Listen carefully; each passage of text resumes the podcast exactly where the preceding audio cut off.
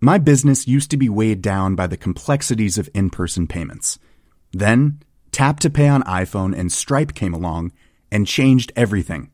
With Tap to Pay on iPhone and Stripe, I streamlined my payment process effortlessly. Now I can accept in person, contactless payments right from my iPhone. No extra hardware required. What's truly remarkable is how I can cater to all of my customers' payment preferences. Whether they're using cards, Apple Pay, or other digital wallets, Tap to Pay on iPhone and Stripe ensure a smooth checkout experience every time.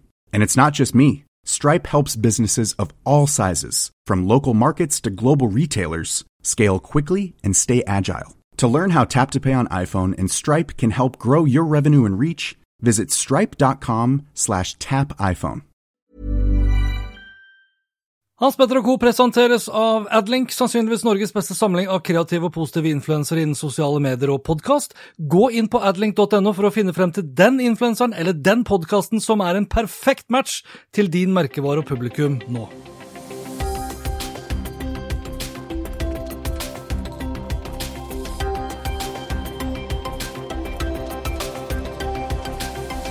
Hei og velkommen til Hans Petter Co. Jeg heter Hans Petter, og denne episoden ble spilt inn mandag 27. april. 24. april derimot, så la Norstat sammen med Bauer Media og Schibsted frem den store POD-rapporten. I rapporten kommer det bl.a. frem at stort sett alle kjenner til podkast, men at lyttingen fortsatt er svært konsentrert rundt de yngre og urbane, og at humor står høyt i kurs når det kommer til hva vi velger å lytte til. Samtidig så kunne undersøkelsen også avsløre at folk flest eh, hører på podkast når de er hjemme, mens de lager mat, støvsuger eller gjør andre hussysler. Samtidig er også lyttingen veldig høy når vi kjører bil, og da alene, eller når vi f.eks. drar til og fra jobb. Og ikke overraskende så er det mobilen som først og fremst blir benytta, og vi har som regel på hodetelefoner når vi lytter. Det som kanskje overrasket mest, iallfall meg, det var at den foretrukne lengden på en episode var mellom 30 og 45 minutter. Viljen til å betale for å høre på en podkast er forsvinnende liten, og reklame som blir lest opp av programlederen sjøl, er den reklamen som fungerer best. Og nærmere halvparten av podkastlyttere mellom 20 og 40 år svarer faktisk at de har handlet etter at de har hørt reklame i en podkast.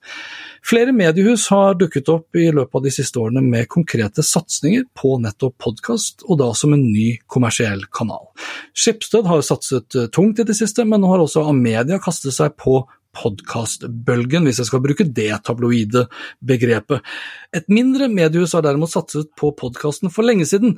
Energibransjen fikk sin egen nettavis for noen år siden i form av Energy, og Energiavisen har drevet egen podkast i flere år allerede. For å snakke litt om hvordan vi kan jobbe strategisk og kommersielt med podkast, har jeg fått besøk av Skjul Aamodt. Han er gründeren av NRV. Skjul har bakgrunn fra bl.a. Sintef og Mintra, og sistnevnte var en bookingportal for kurs i oljebransjen som ble en global suksess. Skjul ville derimot jobbe i en avis, men kom seg ikke inn i bransjen før han startet sin egen. Derav da Energy, som skriver og snakker om olje, gass, vannkraft, vindkraft, sol, klima og miljø. Og det som blant annet har fascinert meg stort med Skjul, det er hans evne til å tenke nytt, eksperimentere, være nysgjerrig, og ikke minst våge å sette noen store mål. Og den holdningen den har ikke endret seg i løpet av de siste månedene, hvor flere store annonsører har valgt å stenge reklamekrana. Vi begynte samtalen med å diskutere POD-rapporten og om Skjul kjente seg igjen i den undersøkelsen. God fornøyelse. Ja, nå var det jo flere ting som kom frem der, men uh, i hvert fall hvis vi først tar hvordan man lytter, så kjenner jeg meg igjen i at jeg lytter jo mye til podkast hjemme. Uh, når jeg lager middag. Altså, så det er ikke bare på trening og på vei til og fra jobb. Eh, og spesielt ikke den siste måneden, for da har jeg bare vært hjemme. Så sånn sett så, så, så kjenner vel alle seg igjen i at man sitter hjemme og hører på podkast, i den grad man hører på podkast. Du, du, lytter aleine, gjør du det? Ja, og, og, jeg lytter aldri sammen med noen. Eh, og det, og det, er vel noe du også har pratet litt om tidligere, at podkast er personlig. Så den eneste podkasten eh, som jeg kan lytte på sammen med kona mi, det er Dagsnytt 18. Eh, men det er jo strengt tatt ja, om det er podkast eller ikke. altså Podkastversjonen av Dagsnytt 18 kan vi høre på, på kjøkkenet, men ellers så, så, er det personlig. Ja, det er samme som Altså, jeg kan også høre på Ukeslutt eller Politisk kvarter eller ja, de klassiske radioprogrammene som bare du hører på for å for så vidt da bli underholdt eller undervist, eh, eller bare som en sånn type gjest i bakgrunnen. Ja. Og da ender det med at man må snike seg litt bort da, for å høre på podkast. Ja. så jeg tar jo på podkast på øret eh, og har altså med mobilen hvis jeg f.eks. Uh, gjør ting i hagen, hvis jeg vasker opp osv., men jeg har det ikke på Sonosen da. Nei, nei, samme her. Og det var vel det også undersøkelsen viste. Så det var jo ikke noe Det var jo en av de mytene som ikke ble knust, da, at det er en uh, intim opplevelse i veldig stor grad, hvor mobilen er den primære enheten vi benytter oss av, og i åtte eller ni av ti tilfeller så var det jo da med hodetelefoner på. Så det var jo ikke noe nytt. Men det var jo andre ting som kom frem som var forholdsvis overraskende. altså Det at vi da hører i stor grad hjemme, uh, og det her var vel gjort også før Eh, koronakrisen. Ja, det stemmer. Uh, nei, uh, og jeg tenker det at ja, jeg hører hjemme. og det er jo Man prøver å fylle tiden sin med, med informasjon. I hvert fall jeg prøver å lære ting hele tiden. Og da er jo podkast hjemme en fin mulighet, siden det er hva man kaller et sekundærmedie. I motsetning til Eh, til webinarer og alt det som nå har eksplodert, eh, der man faktisk må sitte og følge med, så kan man jo fortsatt eh, lytte til podkast når man gjør andre, sysler med andre ting hjemme. Så i den forstand så tenker jeg at akkurat nå så er det veldig fokus på webinarer, men jeg tror podkast kommer til å overleve og kanskje bli mer populært fremover. Fordi man går litt lei av alle disse webinarene. Jeg, jeg, jeg, og jeg rir jo på den bølgen med webinarer selv, eh, så jeg skal ikke snakke det ned. Men jeg tror at et eller annet sted så blir det nok, nok livestream av mennesker, eller talking heads. Altså Live er jo én ting. Eh, Eirik Normann Hansen og jeg vi har jo kjørt eh, oppgradert live i noen uker nå, og vi ser jo at publikumsengasjementet er ganske så fallende. Så vi har gått nå fra ukentlig til bi-weekly, og vi kommer nok til å ende opp tilbake til en gang i måneden, tenker jeg, og da ikke nødvendigvis live heller. Eh, for det er jo det, altså Ulempen med live er jo at da er det jo lineært. Eh, fordelen med podkast er jo at du kan høre på det når du føler, eh, føler at du både, kan, både, har tid og at du kan vie din oppmerksomhet. Da. For det er jo det som er litt vanskelig med webinar også. Det er veldig, altså Webinar med videokamera, det syns jeg er ganske påtrengende. Det, det, krever høy grad av konsentrasjon, spesielt når de skal se, altså du skal sitte og se konstant på andre mennesker, og andre mennesker skal sitte konstant og se på deg. Det er slitsomt for hodet. Versus det altså, kan du si, om du klipper plen, eller om du støvsuger eller lager mat, og samtidig blir underholdt eller undervist. Ja, så jeg har brukt, uh, brukt eh, livestreamen eh, som dere har hatt på Facebook, har jeg brukt som podkast når jeg har vært ute og kjørt. Jeg har ikke sittet og sett på dere, men bare slått den på, hatt, den på, hatt lyden på, og brukt som som en podkast. Og, og, og, det tenker jeg at det er litt ja, Podkast kommer til å overleve og vokse fremover nå.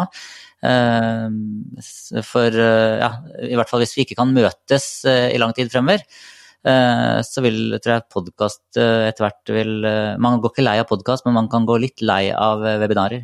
Ja, da er vi enige i det. I veldig stor grad. Men også deres egen podkast, NRV sin podkast, og podkaststrategien deres. Mm. Den har vel endret seg siden dere begynte med podkast, har den ikke det? Ja, den har endret seg hele tiden. da. så jeg, er glad jeg ikke Eller jeg er glad jeg har dårlig hukommelse på hva jeg har sagt at vi skal. Ja, altså, men dere begynte, dere begynte, jo med en sånn som en ren, eh, kall det redaksjonell podkast, men i dag er det vel helt motsatt, er det ikke? Ja, eh, inntil nylig. Men si, eh, for nå har vi endra igjen.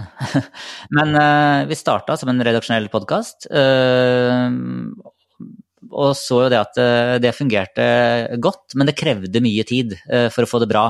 Og det fungerte bare godt når det ble bra. Altså, så vi kunne ikke gjøre noe hastejobb der. Eh, så prøvde vi oss kommersielt ved at jeg, som er 100% kommersiell, begynte å lage podkast, så så vi det at det, var det god betalingsvilje for ute i markedet. og, og, og, det går jo også an å forsvarliggjøre den tiden man bruker på eh, på podkast når man får betalt for det. Eh, så frem til nylig så tok vi 25 000 per podkastepisode, og nå tar, vi, nå tar vi 30 000 per podkastepisode, som er kommersiell. Og da, da, får jeg betalt for timene jeg bruker, og så får vi betalt for digitale flatene som vi publiserer det på. Eh, for det er ikke alle, leserne, eller alle lytterne som kommer via som abonnerer, men noen blir gjort oppmerksom på den ved at de går inn på, på, på NRV eller på sosiale medier, eller også hos vår samarbeidspartner nettavisen.no. Når dere da kjører, når du sier at dere tar 30 000 eller 25 000 som du tok mm. tidligere, så er det da en eh, hva skal jeg kalle det, en, det er en ren episode, en kommersiell episode? Ja, og da da har jo ting endret seg underveis. altså Frem til denne Aftenposten forklart-debatten rundt Equinors eh, sponsing av eh, en serie der, så, så hadde vi eh, en lydintro som sa 'Sendingen presenteres av', også firmanavnet som sponsa det og inneholder eh, produktplassering. Det var vel lydet. Så hvis det hadde vært eh, hvis det hadde vært eh, Fortum, da, så, så, så, hadde vi sagt at sendingen presenteres av Fortum og inneholder produktplassering. Etter den episoden, eller etter den, gode diskusjonen rundt Aftenposten forklart, så endret vi til du lytter til annonsørinnhold fra og hvis det hadde, det vært Fortum, men nå bruker jeg bare det som et eksempel, du lytter til annonsørinnhold fra Fortum. Eh, og da leses det først og sist, altså du har lyttet til annonsørinnhold. Så, så, på den måten merker vi det, og da, da de som er gjest i studio eller nå via skyen, har jo da betalt for å være det, og så er det hele kvarteret eller 20 minutter en lang annonse. Og så er det du da som er programleder? Ja, og da kan ikke våre redaksjonelle kolleger Hilde eller Anders de kan ikke delta på noe som helst vis i de produksjonene. Og da så vi jo, når du spør om, eh, om, eh, om, strategien har endret seg, eh, etter hvert så så vi jo det at vi fikk jo Altså det, det, hadde jo ikke noe å si på lyttertallene om det var redaksjonelt eller kommersielt. Det det hadde noe å si, var hvor interessant og relevant det var. Så, og, og Anders, som da kjørte den redaksjonelle poden tidligere, Uh, sleit jo litt med å få tid da, prioritere dette, for det tar jo lang tid å, bruke, å lage en pod. Så, så, da bestemte vi oss ok, da for å unngå misforståelser og for å unngå hoppsi, stresset med å få lagd redaksjonell pod, så legger vi ned den redaksjonelle, og så er vi kun kommersiell podkast. Og det, det funka frem til koronakrisen. Og så er spørsmålet hva, hva skjedde da? Uh, da, da, kunne jo ikke eh, eh, Anders eller Hilde gjøre redaksjonelle videointervjuer lenger. For da kunne vi ikke møtes. Da kunne de ikke være på konferanser osv., for det var jo ikke noen konferanser. Eh, og da så vi eh, både, eller om vi ble tvunget til det, eller så en mulighet. Eh, men da begynte vi å gjøre live videointervjuer via skyen eh, istedenfor å møte mennesker. Og da har vi gjort videointervju med Tina Bru, olje- og energiminister, Anniken Hauglie, påtroppende Adendir i Norsk olje og gass, bransjeorganisasjonen, Rotevatn osv. Og, og, og det vi så, var at det, ved å kjøre de live videointervjuene på Facebook, så fikk jo de en del oppmerksomhet. Og så plutselig slo det oss ja, nå har jo vi lydfilen til noe som folk syns er interessant å se og lytte til. Og, eh, og, ved å se på, så er det jo bare to talking heads som sitter og prater med hverandre. Det er eh, enten Anders eller Hilde, og den man prater med. Eh, og så tenkte jeg litt, ja, hva er det jeg gjorde da når jeg, hørte på, eller når jeg så på den livestreamen som, som du kjører, eller dere kjører? Jo, jeg er ikke så interessert i å se på dere. Jeg satte den på når jeg skulle ut og kjøre bil, og la mobilen opp ned, så jeg skulle være sikker på at jeg ikke så ansiktet ditt i, i, i, i eh, passasjersetet. Og så hadde jeg det på Bluetooth på høyttaler og hørte på det. Og tenkte jeg, hvorfor kan vi ikke da bare løfte den redaksjonen Da har jo egentlig vi en redaksjonell pod igjen. Eh, for da er jo jobben gjort. Da er det bare å legge på en, en intro en outro, så har vi det. Og så dermed så lanserte vi igjen en redaksjonell podkast som egentlig bare Og det vi kaller den, er Enery Live. Og det er bare lyden fra livesendingene våre. Så vi skal ikke bruke noe mer tid på å sitte og redigere. Det skal være Gjør vi en tabbe live, så følger den med i, i poden. Så da har vi plutselig en live pod, nei, en redaksjonell pod igjen, da. Men den er da på den samme skal vi være litt sånn teknisk. Den, den sendes jo da på den samme RSS-filen? Nei, jeg... nei det, den, går, den, går, på en ny RSS-feed. Og det er sånn Vi skulle gjerne hatt den på den samme RSS-feeden, for da, da, får vi jo mange lyttere med en gang. Men i og med at vi i Energy er så små, vi er tre ansatte, og vi, vi har egentlig ikke tiden til å spise lunsj engang. Det er så travelt fordi vi må løse alt fra å, å kjøpe printerpapir til å, å booke møte med statsråder til å, å, la, redigere podder og Altså, vi må gjøre alt selv. Uh, og da, uh, hvis vi hadde havnet i en sånn uh, Vær varsom, altså PFU-runddans, da, ved at noen mener at vi blander kortene, ved at vi legger inn annonser inn i en feed, sånn som eh, Aftenposten forklart gjør, eh, så har ikke vi tid til å håndtere det. Vi, vi har ikke tid til å håndtere den, selv om vi ville det, kommet godt ut av en, av en sånn kla, eventuell klage, eller selv om vi ville liksom kunne klart å løfte debatten noe, så er vi, rett, vi er så kjørt på tid, så vi har rett og slett ikke tiden til noe annet akkurat nå enn å, å, å levere eh, gode produkter, eh, enten redaksjonelt eller kommersielt. Så vi, vi valgte foreløpig å ikke ta den inn for å ikke skape, ikke måtte bli ikke måtte svare på spørsmål der. Har du klart da å by for altså, Da må du heller bruke tid da, på å bygge opp et nytt publikum igjen, for det er jo det du faktisk da er avhengig av? Ja, det vi gjør er jo å legge podden inn Altså vi skriver ut en sak, og så legger vi, vi podden inn inn eh, i saken, altså embedderen inn. Og så tenker vi at den får bare vokse seg sakte, men sikkert. Vi får jo gode, gode tall på livesendingene våre. Og så tenker vi at da, da, er, dette, da, da er, den redaksjonelle poden vår et, eh, et, en hale som bare følger automatisk etter. Og så får vi se om folk tar den til seg, da. Men har du merket det på innsiktene? Altså er det, er det mange i målgruppen dere som da trykker på den embedded utgaven av podkasten? Nei. Nei, vi, vi, vi, vi, lanserte den nå forrige uke, tror jeg det var, så, liksom, så, vi har liksom ikke fått, uh, fått uh, ordentlig trøkk på den ennå. Uh, så det vi har gjort, er at vi vi har det teknisk på plass, og så må vi egentlig booste den litt fremover. Men så, så vi, gjort, vi gjorde liksom et par feil som vi bare tok med oss, for vi, begynner jo å ha annonser på live sendingene våre.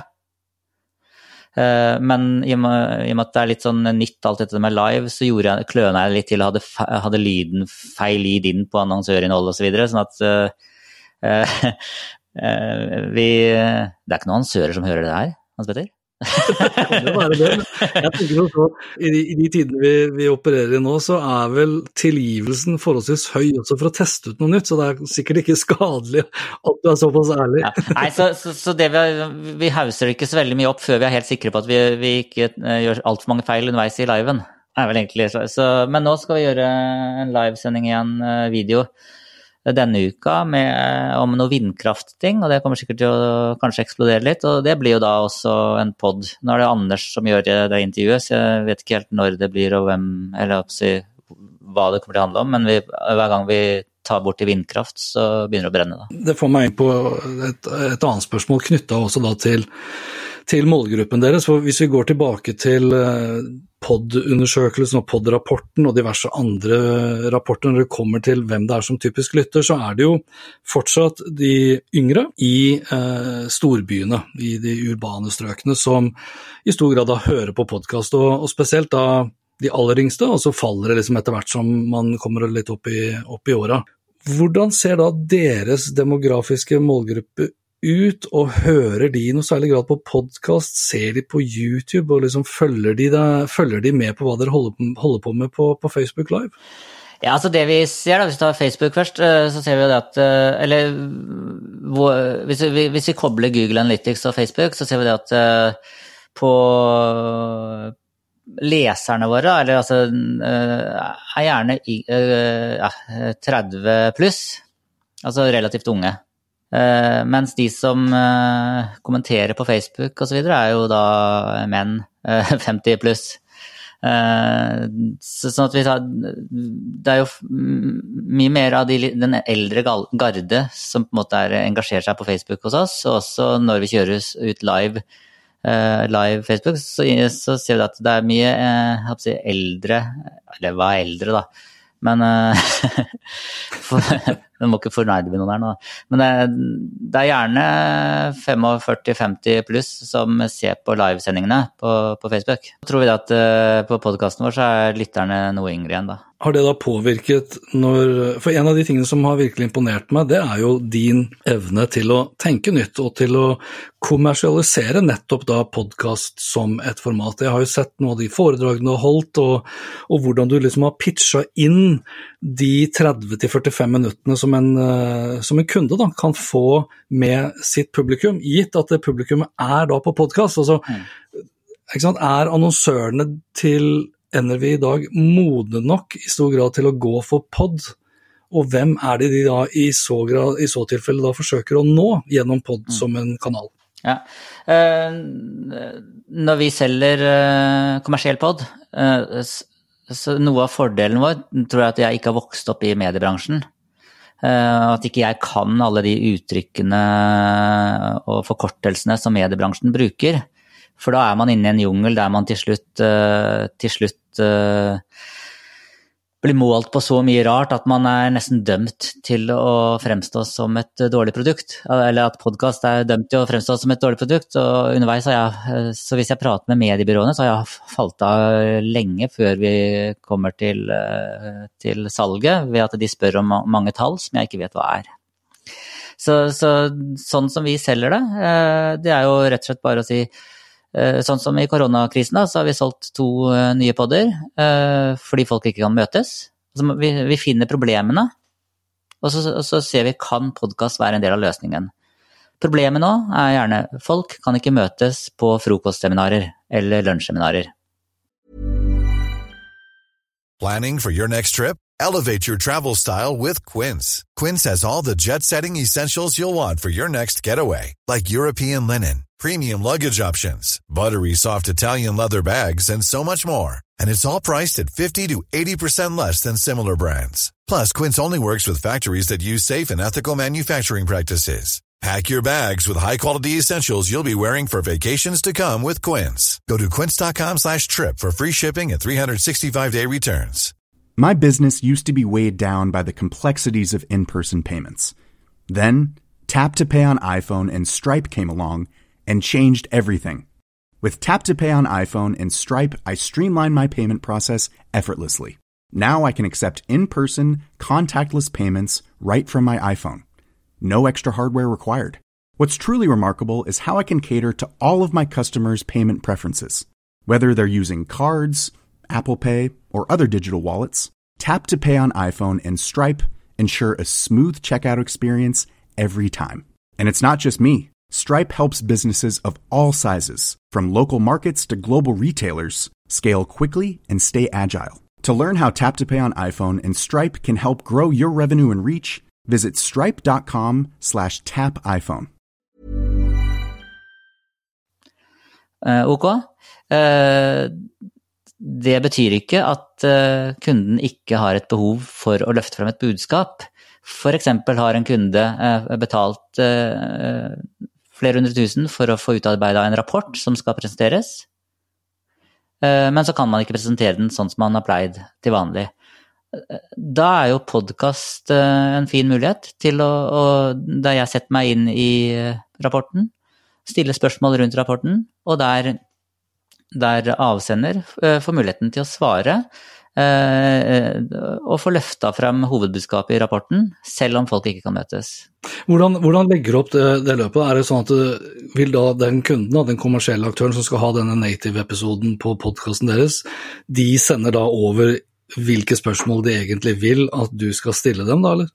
Altså, det er ikke på det Eller det er egentlig jeg som lager spørsmålet, men eh, vi har en mal for Eh, altså Der vi går gjennom punkter, sender over et, eh, en tabell til dem. Hensikt, hovedlæremål, målgruppe. altså Det er ganske systematisk. Eh, og, og de aller fleste blander mellom hensikt og hovedlæremål, f.eks. Og da pleier jeg å bruke, for å forklare dem hva forskjellen der er, så hvorfor lærte jeg å spille gitar? Hensikten var å sjekke damer. Men, men, men hovedlæremålene var å lære seg 'Stairway to Heaven' og uh, 'Don't Cry' med Guns Roses osv. Uh, uh, for veldig ofte så tenker, uh, tenker en annonsør at Eller blander de mellom hensikt og hovedlæremål, men hensikten for eksempel så kjørte, lagde, hadde en sponsa pod nå der målgruppen er politikere. Hensikten er å, å, løsne på mer midler inn mot uh, havteknologi. Mens hovedlæremålene det er jo kanskje hvilke prosjekter man kan, uh, kan uh, løfte opp som er relevante nå i koronakrisen osv. Så, videre. så jeg tror noe av det som våre annonsører da, ikke, altså Da går vi utenom byråene, for da for, for, vi klarer ikke å snakke samme språk som byråene. Men hvis vi går rett på annonsørene, Eh, så tror jeg de oppfatter oss som, eh, som, veldig ryddige ved at vi klarer å hjelpe dem med å, med å strukturere hva, det, hva, hva, ønsker de å oppnå med denne poden. Hvorfor er det verdt å betale 30 000 for, eh, for uh, å få lov å prate om dette? Mm. Uh, så da, da, sender vi over noen tabeller, uh, og så får vi tilbake litt Eller disse utfylt. Og så, sender, så ber jeg om å få litt, litt å lese på, men ikke for mye. Eh, så sender de meg noen rapporter, og så leser jeg gjerne oppsummeringen eh, der. Og så eh, sender jeg tilbake dette er de spørsmålene jeg tenker at vi skal prate om. Og så skriver jeg alltid i mailen. Men jeg understreker at jeg kommer til å stille flere spørsmål, men de får dere ikke vite. Eh, for jeg ønsker en dynamikk i samtalen som ikke bare er eh, at de har et ark som de leser opp, eh, opp fra. Og det, ja, du kjenner jo sikkert igjen dette fra de, Nå sitter vi igjen på det selv, men jeg har jo ikke fått alle spørsmålene dine. Men du har, du har gitt meg litt retning. Jeg ga deg, jeg ga deg det. Jeg, jeg liker sjøl å gi liksom, intervjuobjektet, deg da i dette tilfellet, det første spørsmålet, for da har du, da har du liksom en grei inngang. Men utover det så, så sitter jeg egentlig med en del notater om ting og tang som jeg tenker at ja, det kan jeg komme innom, um, gitt at uh, samtalen i hvert fall da dreier seg i den retning, slik at det spørsmålet blir relevant. Da. Hvis ikke så høres det plutselig veldig sånn statisk og manusaktig, og det tror jeg ikke er med på å skape nærhet til den lytteropplevelsen, for det er jo alfa og omega her. Ja, og, og, det jeg også sier til annonsørene, det er at det er ikke sikkert jeg kommer til å være enig med dem. Men har du det som en klausul, eller? Dere skal betale 30 000, men det er ikke sikkert at, ja, men jeg, sier, det blir det. Ja, men jeg, jeg, altså, hvis, de betaler ikke for en eh, polert uh, annonse. De bet, det de betaler for, og det, det, er flere som har vært åpne med meg om det, de pleier å være på Dagsnytt 18, men da får de ikke sagt snakka ferdig. De er ikke redd for motargumenter. Men de, men de syns det er synd at de ikke får uh, forklart hva de tenker. Så flere av våre annonsører sier at det er bare fint at jeg er uenig med dem, og det er også fint å dra inn andre aktører i poden som da er blitt informert om at det er annonsørinnhold, men som får, får, sagt sin mening, som kanskje er det motsatte av det annonsøren mener, så lenge annonsøren får lov til å si sin mening. Og, og, pod, og da sier jeg at ja, dere skal få lov å snakke ut. Men, men jeg, treng, jeg, kan godt si at det, det er ikke jeg enig i. Men altså, no, En ting er jo en ting er jo den situasjonen vi befinner oss i nå, hvor disse samtalene dere har, da, må jo da foregå uh, virtuelt, altså over en annen skyløsning. Nå sitter jo vi sjøl på en uh, Zencaster-løsning som gjør at vi kan ha god lyd og god samtale uten altfor mye tidsforsinkelser etc. Men sånn normalt så vil jo veldig mange av de klassiske kundene deres kanskje da befinner seg i, uh, i Stavanger-regionen. Ja. Hva, er, hva, hva, kreves da av en kunde for uh, at dere skal kunne tilby da, en god lytteropplevelse? For lydkvalitet vil jeg påstå er ekstremt viktig. Ja, Det er jo det som er litt interessant. da, fordi uh, Frem til koronakrisen uh, så kom jo kundene våre Så fløy jo de fra Stavanger, eller fra eller Karmøy, eller hvor det nå var, de, eller Trondheim. Satte seg på fly og kom til oss. Og de hadde kanskje gjerne også med seg sin kommunikasjonsdirektør. Så to, to, to stykker på fly, tur-retur. Tur. og så sitter jeg og, og, og, tenker det er litt synd at de betaler mer i flyutgifter nesten enn det de betaler på poden. Men, men, men, det var sånn det var. Og, og, så kan man eh, le litt av det, men, men, jeg tror ikke det kommer til å fortsette nå. Etter koronakrisen. Altså etter den første bølgen, Jeg tror krisen kommer til å vare i mange år, men etter den første bølgen i koronakrisen, jeg tror folk tenker at de trenger ikke å fly. Trenger ikke å sette seg to eh, stykker på fly fra Stavanger for å få spilt inn en pod med, med Energy. Så det, de to siste podene vi har gjort nå, Eh, de har vært, Den første var på telefon, eh, og da jeg tok opp lyden. Den andre var på eh, StreamYard, som er en sånn software egentlig for video.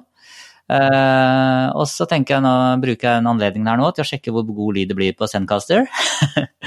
så hvis dette blir bra, så kommer vi til å bruke det videre. ja, for syns du Altså, jeg syns jo ikke jeg syns ikke StreamYard er en god lytteropplevelse, fordi snakker vi sånn som vi har gjort det ved en par anledninger nå, så bryter jeg liksom inn mens du holder på, og vice versa med Eirik osv. Og, så mm. og da blir lyden grøt. Ja. Så jeg, jeg synes og det syns jeg ødelegger dynamikken, for da må jeg, jeg må holde igjen og vente til Eirik er ferdig, sånn at han får sagt alle de ordene han skal, mm. før jeg da kan bryte inn, og så må han gjøre da akkurat det samme med meg, og da blir det, det, ødelegger litt på dynamikken.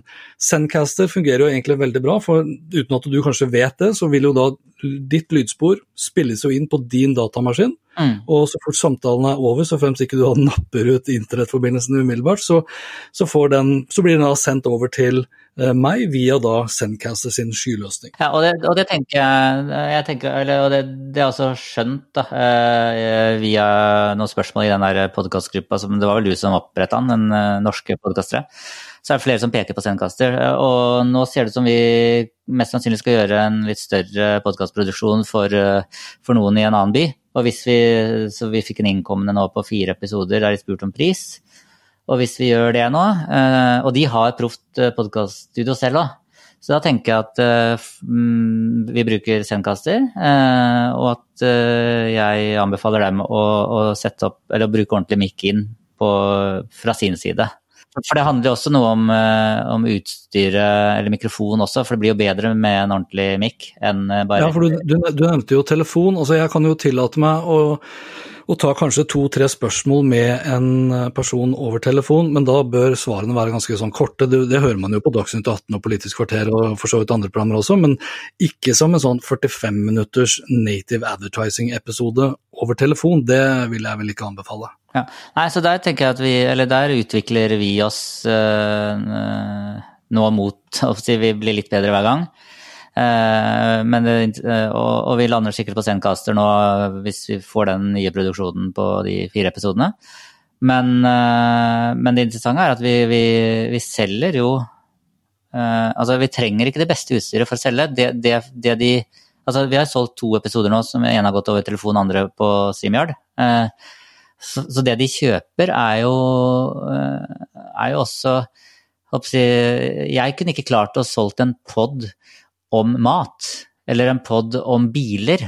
Eh, men eh, de kjøper jo min interesse eh, for energibransjen. At jeg, når de sier noe, så kan jeg utfordre dem, og så kan de komme med noe Altså at vi kan klare å prate fornuftig da, og relevant rundt energispørsmålene. Så, så, det er kanskje viktigere enn lyden, tror jeg, hos, når de kjøper hos oss. Ja, også, og ikke minst at det de for så vidt også kjøper, er jo et dedikert publikum. Ja. For det jeg opplever kanskje med, med, en del av mediebyråene, og for så vidt mediehusene som sådan, det er jo at veldig mange av de er opptatt av å vise hvor mange lesere de har, eller f.eks. Altså podtoppen.no, som, som, kun fokuserer da, liksom på hvor mange Uh, hvor mange enheter og hvor mange streams er det den podkasten her har mm. per uke. Ja. Det, som, det, som, kanskje gjør at dere kan da uh, ha få, forholdsvis få lyttere sammenlignet med Friminutt, f.eks. Mm, ja. uh, det er jo at det publikummet er ekstremt dedikert til og opptatt av hva dere holder på med, og derfor kan du ta deg ekstra betalt per lytter. Ja, vi har jo lyttere som er opptatt av energidebatten. Eh, og energidebatten, altså hva er energidebatten? Eh, det er alt fra olje og gass til eh, fornybart. Men vi har lyttere som, uh, som, liker å lære noe om den. Uh, og, og det, er, det, har vi etter hvert skjønt at det er et verdifullt publikum. Så, så, det selger vi jo på. Men har, har du testa ut, uh, og nå, du får svare så godt du kan sjøl og så langt du, du, vil, da, for når vi snakker om det publikummet, hvorvidt de da er på Facebook, eller om de foretrekker å lese, eller høre, eller se på YouTube f.eks., uh, og du var innom vindkraft, for vi vet at det, altså, vindkraft engasjerer noe fryktelig. Du har ikke våget å liksom publisere noe som en ren podkast for å se hvordan reaksjonen blir uten at du da legger ut som en tekst i tillegg. Tør du det? Uh, ja, vi, vi, eller når vi publiserer noe om vindkraft på Facebook, altså når vi deler bare en podkast på Facebook, ja. så, så, får vi jo masse, masse negative kommentarer. Uh, og selv om det bare er en podkast. Uh, men det, det, vi vet jo ikke helt om de negative kommentarene om de har lytta seg gjennom. Eller om de bare ser at det er noe som står med vind, og så blir de sinte. Når det er sagt, så er det mange uh, gode argumenter imot uh, landbasert vindkraft. Så det er ikke sånn at det er et rett, rett frem svar eller en fasit på hva som er riktig og galt der. Men, men det engasjerer veldig. Det er poenget, da. Men er det sånn at de som engasjerer seg, er kanskje da i større grad de som er negative, eller er det 50-50? Nei, det er stort sett de som er negative, som engasjerer seg. Men, de, men de, også, også, er det litt som med alt annet, at det er, ikke, det er, det er noen få som engasjerer seg veldig mye. så, så, sånn er det jo alltid. Ja. De tar jo veldig mye plass, da. Men altså, hvis vi skulle liksom se eh, inn i fremtiden nå, én ting er pod. Mm. Eh, en annen ting er uh, alt det andre dere holder på med. og Du var jo innom Anders, uh, vi snakker om Anders Brenna. Jeg kjenner jo Anders Brenna fra hans tid som IT-journalist i Digi, er det vel, hvis ikke jeg tar helt feil? Stemmer. Han var jo ikke, og han er kanskje ikke spesielt glad enn så lenge heller, i eksklusivt innhold, hvis vi skal kalle det det, eller betalingsmur. Altså, hvor, hvordan ser dere på deres egen fremtid. Eh, hvilke bein skal dere stå på, hvor mange bein skal dere stå på sånn, sånn sett for å overleve, ikke bare nå i dag, men etter at kanskje den største krisen er over? Nei, eh, hvis vi tar podkast først, da, så har vi Eller i 2019 så omsatte vi vel for litt over 4 millioner, og podkast lå på 620 000. Så, så podkast er jo en, et viktig ben for oss å stå på. Eh, og podkast er noe man da, eh, vi har lært oss da i det siste, at vi kan produsere uten å møtes, og, og der publikum ikke, heller ikke trenger å møtes. Eh, så det er jo noe, et ben som definitivt kommer til å fortsette, og forhåpentligvis vokse. Mm. Og så hvis vi tar hva vi ikke kommer til å tjene så mye penger på Vi har jo også kjørt eid flere konferanser. Der man tjener penger på utstillere og deltakere. Det tror vi går ned, men heldigvis så valgte vi en strategi eh, før korona eh, der vi valgte å trekke oss ut og ikke eie så mange konferanser selv, men heller bistå på, med å markedsføre eh, andre sine konferanser. Så nå har jo det å markedsføre andre sine konferanser også gått ned, selvfølgelig, men, men vi slipper den store smellen ved at vi eier så mange konferanser. Men det vi har gjort, er å snu oss rundt på den ene konferansen vi fortsatt eier, som går på sikkert arbeid i høyden. Altså de som klatrer høyspentmaster og oljeplattformer osv. Uh, og der har vi sagt nå at 2020-konferansen eh, blir gratis å delta på. Uh, tidligere kosta det 5000 kroner å delta. Blir gratis å delta på, og så henter vi inn annonsører som ønsker at vi holder konferansen ved like. Uh, all den tid uh, hensikten igjen, igjen, hensikt, hovedlære osv. Uh, hensikten er jo å bidra til færre dødslykker i industrien. Og det dør uh, mellom syv og ti mennesker hvert år fordi de faller ned fra ulike steder i Norge på jobben. og Arbeidstilsynet har sagt at hovedgrunnen til det er at de ikke får lovpålagt opplæring. Så, så, hensikten er jo da å redusere antall døds... Eller å redusere dødstallene. Eh, og hvis vi da klarer å gjøre det ved å gi konferansen gratis ut til alle, så, eh, så vil jo fortsatt de som har disse som dør, da, eh, se en verdi i å sponse konferansen. Så da har vi fått med Statnett, Skagerrak Energi, Agder Energi, Standard Norge som sponsorer inn på konferansen, som bidrar med 20 000 hver. Og så blir det gratis å, å delta. Så kanskje skal vi løfte frem flere sånne bein, da. Og da slipper vi jo utgiftene til, til Petter Stordalen og hotellene. Så han taper jo litt på det, men, og, og flyreisene. Men uh, utover det så kan det være at uh, vi faktisk kan sitte igjen med en uh, vel så god bunnlinje på konferanser, selv om man ikke møtes. Ja, for nå snakker du da utelukkende om en digital konferanse? Ja. Gratiskonferanser på Facebook, der du har sponsorer som betaler for at vi skal gjøre det. Men tror du det, altså vil konferan Tenker du at konferanser digitalt også vil bli noe av den nye hverdagen etter at vi kan møtes igjen, eller? Ja, jeg tror det. Eh, jeg tror selvfølgelig så er vi jo glad i å møtes, og det er jo veldig mye av verdien i konferansene ligger jo delvis i det som skjer på scenen, men veldig mye i det som skjer eh, i pausene og, og under konferansemiddagen, der man knytter nettverk, der man avtaler å møtes uh, ikke senere på kvelden, men senere for å, å, å, gjøre business. Og, og, da kan det være at man, hvis man klarer å lage digitale arenaer der man har konferansene på web, så kan man jo møtes for å diskutere, f.eks. Sånn at man kan, kan, få begge deler. Og det er I min forrige jobb så gjorde vi gjorde vi mye av det, da, men da starta vi med e-læring, altså du, du, tok kurs på nett. Men så så vi det at man også hadde behov for å møtes, og da uh, lagde vi det som heter blended learning, at man også kunne møtes for å diskutere det man hadde lært på, på nett. Uh, så hvorfor ikke gjøre det på konferanser også, at man drar mer over på web, der man har foredragene kanskje på web, og så har man paneldebatter og gruppediskusjoner osv. når man møtes. Kanskje. Det, det, det tror vi kan være et bein å stå på videre. Og så var det det med Anders og betalingsmur. Mm. Jeg vet ikke om Anders hører dette, her, men jeg, jeg syns vi, vi, skal ha betalingsmur. Nei, eh, vi Det som er utfordringen vår, da, er at verdiforslaget vårt inn til, eh, inn til eh, mange av annonsørene våre, det er jo at vi holder altså det er to ting, vi holder energidebatten saklig, faktabasert og levende. I en tid med masse fake news rundt viktige energispørsmål, så er det viktig at noen også drar frem tall fra SSB eller fra annet, og, og, og på en pedagogisk måte klare å formidle det til folk flest. Og det, det, gjør vi. Men så gjør vi også noe annet som eh, eh, flere av konkurrentene våre ikke gjør, og det er jo å, å skrive om bransjen, for bransjen, men å løfte saker ut av bransjen. Så, så mye av verdien i, i NRV ligger jo at folk utenfor energibransjen leser våre saker. Altså de utenfor menigheten, de som ikke går inn i kirken eh, for å be, de blir eksponert for dette ute på puben. Men, men der, kan, der, kan, du skille, du kan jo skille på ting. Du kan jo da, de, de rapporter og analyser og ting og tang som er ment for bransjen sjøl å lese, kan vel da ligge bak en sånn abonnementsløsning, en kundeklubb, kall det hva du vil. Eh, mens det som er da ment for eh, utsiden, kan jo da ligge åpent, f.eks.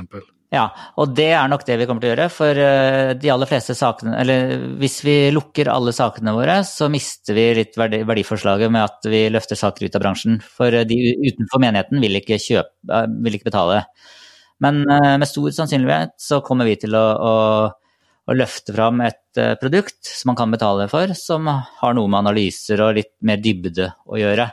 Eh, men det tror jeg ikke vi kommer med før 2021. Eh, eh, vi får se litt hva som skjer, men vi, vi jobber med det nå, da. Ja, for alternativet er jo Alternativet er jo litt sånn som jeg har Nå har, jeg, jo jeg sjøl begynt med begge deler. Jeg har et, et sånn kunde, altså medlemskapstjeneste som jeg kaller for Opplyst, og der legger jeg liksom rapporter og, og litt sånn tyngre materiale. Webinarer, innspilte foredrag etc. Mm. Og så har jeg Og det er mer sånn Jeg skal ikke si at det er bare for å eksperimentere, men jeg tror ikke det kommer til å bære virksomheten min eh, tilstrekkelig, men de som velger å betale, skal i hvert fall føle at det er verdt det. Og så har jeg testet ut, og holder på å teste ut, da, noe som jeg kaller for bidragsnyter. Det er noen som tror at jeg har skrevet feil, men altså, det er liksom sånn du kan gi helt frivillig et lite bidrag for å nyte, i den grad man da nyter det innholdet jeg lager. Og det være seg da det som skrives på hanspetter.info, eller lages av video på YouTube-kanalen, eller da podkasten litt sånn inspirert av uh, The Guardian, som også kjører en sånn tjeneste hvor du kan gi hva, så, hva du sjøl føler, føler, for. da. Uh, jeg har bare gjort det veldig enkelt og satt opp 15 kroner i måneden, 50 øre dagen. Da er du med liksom å, å bidra til videre produ produksjon og utvikling av innhold. Og det trodde jeg kanskje norske mediehus også ville testet ut, i og med at vi er blant de med høyest grad av betalingsvillighet for innhold i Europa. Men jeg har ikke sett noen andre gi seg ut på akkurat den. Nei, vi, vi, har jo prøvd litt sånn, hva heter det, uh, pat Patron. Uh, ja, Patron, men det er for høy terskel. Ja, du må liksom ja. ut på en annen tjeneste, det ene etter det andre. Mm, ja, men jeg tror, uh, jeg, jeg, tror egentlig ikke vi, vi, klarer å dra inn så mye, eller inntekter som monner der. Så, så, vi må nok over på type abonnement som koster noen tusen for å ha. Ja. Hvis du skulle tørre å gjette hvordan 2020 eh, for deres del kommer til å se ut? Det blir med, med stor sannsynlighet rett. Vi har lagd fem scenarioer, A, B, C, D, E. Eh, der eh, det går på estimert salg per måned. Hvis vi selger som, eh, som før korona, så går vi fint i pluss. Hvis vi selger sånn som vi har solgt i, i april, så går vi fint i minus. Og hvis vi Ja, så har vi to scenarioer der vi går tom for penger i år. Og da betyr det kroken på døra, eller? Ja, altså, jeg har jo tidligere betalt, Tre år på rad så betalte jeg 70 000 i måneden å, av mine egne penger for å lønne journalister, sånn at vi kunne bygge NRV. Uh, eh, og så tenker jeg at hvis, hvis jeg, hvis jeg altså nå, nå, er jeg rundt 50 Hvis jeg skal inn og gjøre noe sånt igjen, så må vi ha en god plan for hvordan vi kan snu dette. Vi klarte å snu oss i 2019, eh, og så ser, ser det som ting blir veldig, veldig krevende i 2020. Og hvis, hvis jeg ikke tror hvis, hvis, ting går skikkelig rett ned uh, fremover nå, og hvis jeg ikke ser helt hva som, at det skal snu, så, så kan det være kroken på døra. Men jeg eh, jobber for eh, scenario A. Nå har jeg Excel-arket for meg. Scenario A og B. Og da går det faktisk ganske bra. så man må jo ha troen. Og med de oppløftende ordene så runder vi av for denne gang. Lenker til alt jeg har snakket om og øvrige innslag det finner du selvsagt på hanspetter.info. Likte du det du hørte og vil forsikre deg om at du får med deg de neste episodene, da kan du bl.a. abonnere på Hans Petter Co. på Apple Podcaster. Ellers er podkasten også tilgjengelig på Spotify, Acast, Google Podcast, Overcast og Tynner Radio. Inntil neste gang, vær nysgjerrig, for det er den beste måten å møte vår digitale fremtid på. Hans Petter og Co. presenteres av Adlink, sannsynligvis Norges beste samling av kreative og positive influensere innen sosiale medier og podkast. Gå inn på adlink.no for å finne frem til den influenseren eller den podkasten som er en perfekt match til din merkevare og publikum nå. Hey, it's Danny Pellegrino from Everything Iconic. Ready to upgrade your style game without blowing your budget? Check out Quince. They've got all the good stuff, shirts and polos, activewear and fine leather goods all at 50 to 80% less than other high-end brands. And the best part? They're all about safe, ethical, and responsible manufacturing. Get that luxury vibe without the luxury price tag. Hit up quince.com slash upgrade for free shipping and 365-day returns on your next order. That's quince.com slash upgrade. My business used to be weighed down by the complexities of in-person payments. Then, Tap to Pay on iPhone and Stripe came along and changed everything. With Tap to Pay on iPhone and Stripe, I streamline my payment process effortlessly. Now I can accept in person, contactless payments right from my iPhone. No extra hardware required.